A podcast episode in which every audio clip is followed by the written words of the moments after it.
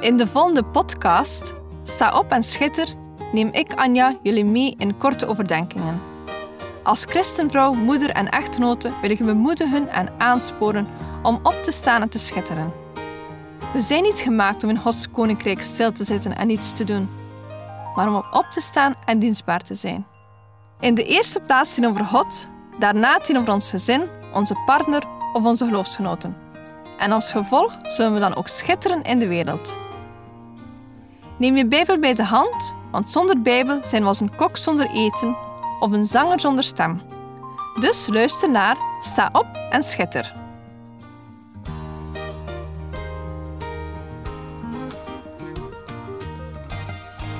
De zomer is aangebroken en de scholen doen hun deuren dicht. Het is voor velen tijd voor vakantie. Veel gezinnen gaan op vakantie om even te ontsnappen aan de dagelijkse routine en drukte. Sommigen blijven thuis en nemen een rustperiode. Iedereen vult dit anders in. Zoals naar het strand of de bergen gaan. Anderen gaan naar meren, rivieren, vijvers of maken een cruise. Waar jij ook op vakantie gaat, God is er. Nergens in de Bijbel staat er dat Jezus of zijn discipelen op vakantie gaan. En God neemt gelukkig ook geen vakantie. Als vakantie niet in de Bijbel voorkomt, mag een christen wel vakantie? Ik stelde in mijn gebed die vraag aan God en ik denk mijn antwoord gevonden te hebben door de volgende tekst. Marcus 6, versen 30 tot en met 32.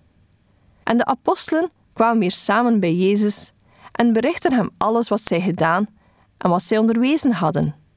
En hij zei tegen hen: Komt u zelf mee naar een eenzame plaats, alleen, en rust wat uit. Want er waren er velen die kwamen en die hingen. En zij hadden zelfs geen gelegenheid om te eten. En zij vertrokken in een schip naar een eenzame plaats, alleen. Jezus verwijderde zich vaak van het volk, om te rusten en dicht bij de Vader te komen. We mogen hem dan ook als een rolmodel zien. Jezus nam de tijd om alleen te zijn. Soms nodigde hij zijn discipelen uit om zij bij hem aan te sluiten, zoals we net lazen. Jezus en zijn discipelen namen de tijd om even aan zichzelf te denken. Tijd te nemen om te rusten en te eten. Deze tijd gaf hun de kans om hun geest en lichaam te laten rusten. Voor Jezus en de discipelen was het een vorm van vakantie, een tijd van herbronnen. Jezus had een zeer druk leven. Elke dag kwamen er mensen om naar hem te luisteren. Mensen zochten hem om voor genezing en anderen zochten iets om hem te kunnen vervolgen. Als er iemand een druk leven had, dan was het Jezus wel. Elke dag waren er verwachtingen van Jezus. Hij had een drukker leven dan jij en ik bij elkaar. Om die drukte van iedere dag aan te kunnen, koos Jezus heel vaak voor een rustige plek om op te bidden. Hij had af en toe de tijd nodig om in contact te komen met zijn vader. Dat is ook voor ons weggelegd. Zelf vind ik vakantie de ideale tijd om even tijd te maken met mijn hemelse vader. Vakantie heeft ons de mogelijkheid om onze geest en lichaam te laten rusten. Dit kan voor iedereen anders zijn. Rusten hoeft niet in te houden dat je niets doet. Vakantie is voor mij een tijd waarin ik herbron samen met mijn echtgenoot. Een tijd waarin we een evenwicht zoeken naar rust, beweging en tijd met God. Ik kan tot rust komen bij een goed christelijk boek, midden in de natuur, terwijl mijn man rust vindt tijdens een fietsritje. Die rustperiodes beleven we dus deels samen en deels apart. Vakantie is voor mij tijd met God. En dan ga ik mezelf ook toetsen. Ben ik nog steeds op het juiste pad aan het wandelen?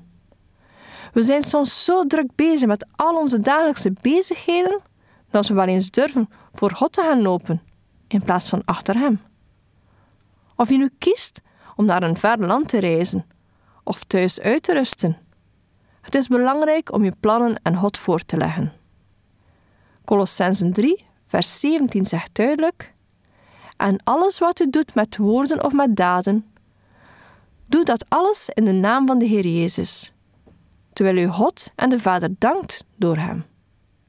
Ons leven moet gekenmerkt worden door ons geloof en dit ook op vakantie. Toen de kinderen klein waren, hebben we verschillende jaren bewust gekozen voor christelijke campings. Het gaf ons een innerlijke rust, te weten dat onze kinderen speelden met andere christenen. Ze werden opgebouwd tijdens de kinderactiviteiten en ik genoot van de vrouwenochtenden, waar we samen Gods woord lazen en bestudeerden. Een echte aanrader voor jonge gezinnen. Momenteel zijn we nu in een ander stadium van ons leven. Onze kinderen gaan niet meer mee op vakantie. Het is een andere manier geworden. We zoeken nu de campings op in de natuur waar er rust is. Ja, wij zoeken nu bewust campings zonder speeltuinen en zwembaden. Campings waar we in de stilte God kunnen zoeken. Vakantie kan je ook bekijken als wat extra sabbatsdagen. In Genesis komen de sabbat tegen, of het nemen van één dag per week om te rusten van de arbeid. God rust op de zevende dag en leerde zijn volk hetzelfde te doen. Het is en blijft een belangrijk principe. De Sabbat is bedoeld als een tijd van aanbidding, rust en herstel. We tonen vertrouwen in God voor zijn voorzienigheid door niet te werken. We vragen als het ware dat God ons lichaam en geest nieuwe energie geeft. Vakantie kan je dus ook zien als een sabbatdag. Om 100% te kunnen genieten van vakantie, moet je in overleg gaan met God. Waar ga ik verblijven? Wat ga ik doen? Het is prioriteiten stellen. Wat zijn jouw prioriteiten als je op vakantie gaat? Wil je bezienswaardigheden bekijken? Entertainment zoeken? Winkelen? Achteroverleunen en ontspannen? De natuur intrekken? Feesten? Dansen? Of sportevenementen zoeken? Plan je alles van tevoren of is het eerder go with the flow? Wat je antwoorden ook zijn, het is belangrijk om prioriteit te geven aan God. Vakantie nemen van je werk betekent niet dat je vakantie neemt van je geloof. Vakantie is de perfecte tijd om God te zoeken. Hij wil dat je op vakantie gaat, geniet en een geweldige tijd hebben met familie of vrienden. Laat de gelegenheid om tijd met Hem door te brengen niet voorbij gaan. Ik wil je enkele tips meegeven voor je vakantie. Ten eerste, vraag aan God waar Hij jou naartoe wil laten gaan. Ten tweede, neem je Bijbel mee. Dit is vrij eenvoudig en technologie maakt het nog eenvoudiger. Als je een smartphone met internetverbinding hebt, heb je toegang tot honderden verschillende Bijbelvertalingen, Bijbelstudies en preken. Niets is echter te vergelijken met jouw Bijbel. Neem je Bijbel mee. Ten derde, plan tijd met God. Op vakantie plan je veel in. Voeg tijd met God toe aan je agenda. Hoe ga je anders garanderen als het gebeurt? Misschien heb je goede bedoelingen. Je kunt je Bijbel, een christelijk boek of een dagboek meenemen. Maar als je tijd niet plant, zal het waarschijnlijk niet gebeuren. Er zijn veel te veel dingen om te doen die je tijd met Jezus verdringen. Ten vierde, vergeet niet te bidden. Als ik mijn dag start met bijbelezen en gebed, dan is mijn dag veel mooier. Maak er een prioriteit van. Ten vijfde, stel je dienstbaar op. Over het algemeen kunnen onze vakanties en onze vrije tijd voor onszelf dienen. Dat is prima. Je werkt hard. Je hebt ook het recht om te ontspannen. Maar je vergeet niet open te stellen voor mensen in nood. Of mensen die evangelie nodig hebben. Jezus is ook niet op vakantie. Als zesde en laatste tip: zoek op zondag een plaatselijke kerk. Ja, je hebt je eigen kerk en niets zal dat vervangen. Maar het is altijd fijn om te zien dat er over de hele wereld christenen zijn. Als je de taal van het land niet kan, ga dan op zoek naar een internationale kerk die hun diensten in het Engels geven. Ik heb al mooie ervaringen gehad in buitenlandse kerken.